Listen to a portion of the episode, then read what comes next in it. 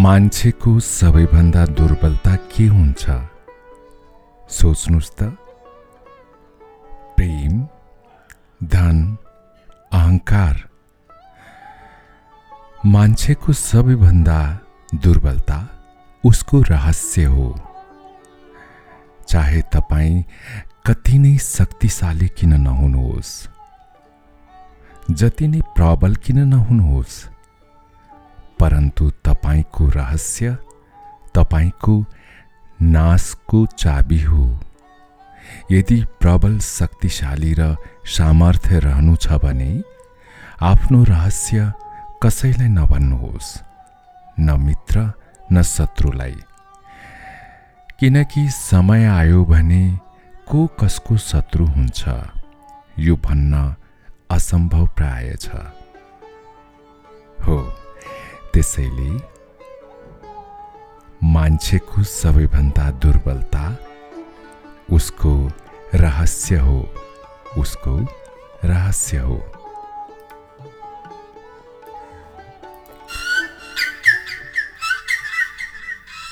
हेर्दैछु। परको त्यो बकैनाको बोट अनि एक हुल सफेद बकुल्ला हुनुपर्छ सायद। भुरुरु उडेर फर्केर आफ्नो गुणमा बसेका केही हटाई नहटाई पखेटा फिजाएर आफूलाई सम्हाल्न खोज्दैछन्। ठ्याम्मै यो मेरो पछ्यौरा जस्तै।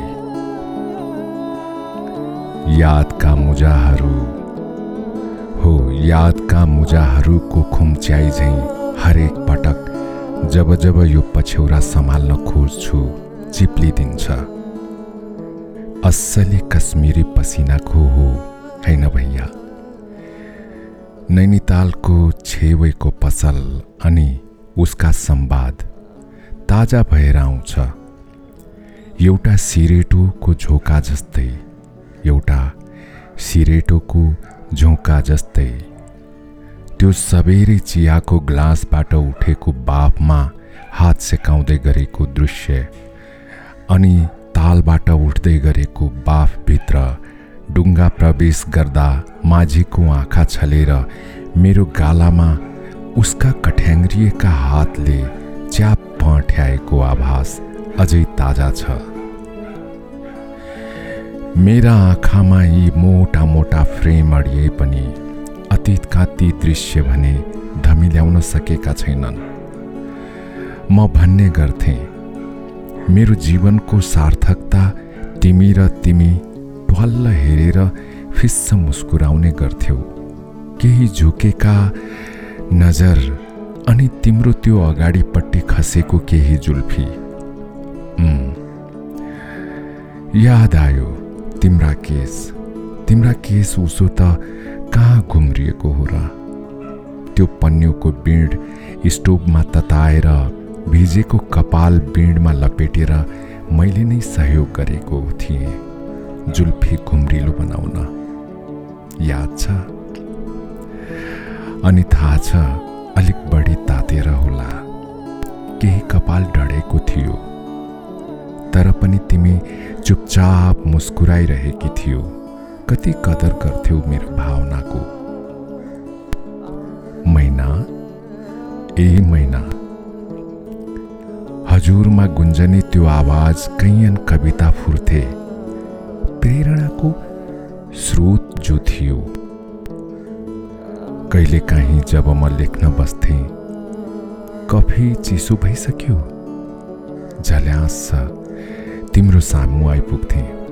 तिम्रा ती पाउजुका मधुर ध्वनिसँगै बोलेका आवाज लाग्थ्यो रेडियो सिलोनको बिनाका गीतमालामा गुन्जिएको त्यही गीत सुन्दैछु जुन तिमी र म लुकी छिपी घुम्तीको बडेमानको त्यो बरपिपलको चौतारीमा भेटेर सुन्ने गर्थ्यौँ हो बिनाका गीतमाला। सायद गीता दत्तको होला। वक्त ने किया क्या हंसी सितम न तुम रहे न तुम न हम रहे न हम। वक्त हंसी सितम। आज जिन्दगी त्यही गीतलाई शाश्वत मान्दैछ। न तुम रहे न तुम न हम रहे न हम। ओ पाउजू याद आयो। लखनऊ जाँदा मैलानीको रेलवे स्टेसनमा माटोको प्यालामा चिया पिएको पहिलो पटक होला त्यो अनुभव। झ्यालबाट बाहिर हेर्दै गर्दा तिमीले गरेका निर्दोष प्रश्न त्यो रुखहरू कति छिटो छिटो हिँडेको हेर्नु न त्यो घरहरू पनि। म मुस्कुराइरहेँ। तिम्रा ती अबोध प्रश्नमा अनि सम्झन्छु अनायासै तिम्रो चिच्याहाट आँखामा कसिङ्गर परेर होला। कोइला इन्जिनको धुवासँगै आएको कोइलाको कण थियो। मैले त्यही रुमाल जुन तिमीले रेशमी धागोले बुट्टा राखेर मलाई दिएकी थियौ नि? हो। त्यही रुमालको कुनाले त्यो कसिङ्गर झिकेको थिएँ। लखनऊ चारबाग स्टेसन आइपुग्यो। तिमी अत्तालिएकी थियौ। त्यति धेरै मान्छेको हुल देखेर मेरो हात यसरी समाति हिँडेकी थियौ। मानौ म भाग्नेवाला छु। मानौ म कुनै जुर्ममा समातिएको कैदी हुँ। हजरतगञ्जको त्यही जौहरीको पसलमा किनेको पाउजु थियो। लेसदार तलपट्टि निकै झुम्काहरू थिए जुन लगाएर हिँड्दा मिठो धुन निस्किन्थ्यो। मेरा लागि कुनै पर्सियन सङ्गीतकारले बजाएको सन्तुरको धुनभन्दा कम थिएन। तिमी पनि त त्यही ट्रेनको झ्यालबाट देखिएको रुख जस्तै भएर गयो जिन्दगीको यात्रामा। म भने त्यही डब्बामा कैद छु हो त्यही बन्द डब्बामा कैद छु वर्षेनी फेर्नुपर्ने मेरा चस्माका नम्बरहरूले तिम्रो यादमा परेको फोकस धमिल्याउन सकेन। न त्यो स्पर्शको मिठासमा मेरा गालामा परेका धर्सा र खुम्च्याइहरूले फिक्का बनाउन सक्यो। झन् गाढा झन् गाढा महसुस हुन्छ। तिमी छैनौ त के भयो? तिमीले छोएका हर चिजहरूमा तिम्रै महक अझै ताजै छ। हो त्यो बासना कहाँ बिर्सन सक्छु? त्यो अनुभूति कहाँ बिर्सन सक्छु? जब जब ऐनाको सामुन्ने पुग्छु हेर्नु न त्यो एउटा कपाल कस्तो टल्किएको खै उकेलिदिन्छु झसङ्ग हुन्छु। अब त मेरा कपालहरू सेताम्मे हिमपात परे झैँ भइसकेका छन् तर तिम्रा औँलाले सुमसुमाएका ती डोब अझै बढी छर्लङ्ग देखिन थालेका छन्। सायद सफेद भएर होला।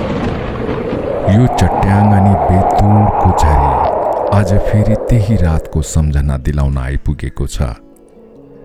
कहीँ कतै अनिष्ट त हुनेवाला होइन। यस्तै थियो त्यो रातभरि वर्षा अनि चट्याङको निरन्तर गर्जन। भयावह रात हो त्यही रात। जुन रात तिम्रा हातबाट मेरो हातमा कसिएको मुठीको ऐठन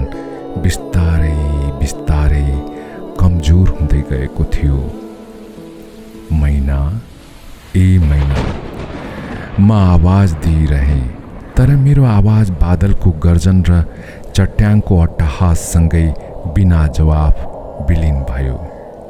बिना जवाफ विलिन भयो। बिना जवाफ विलिन भयो।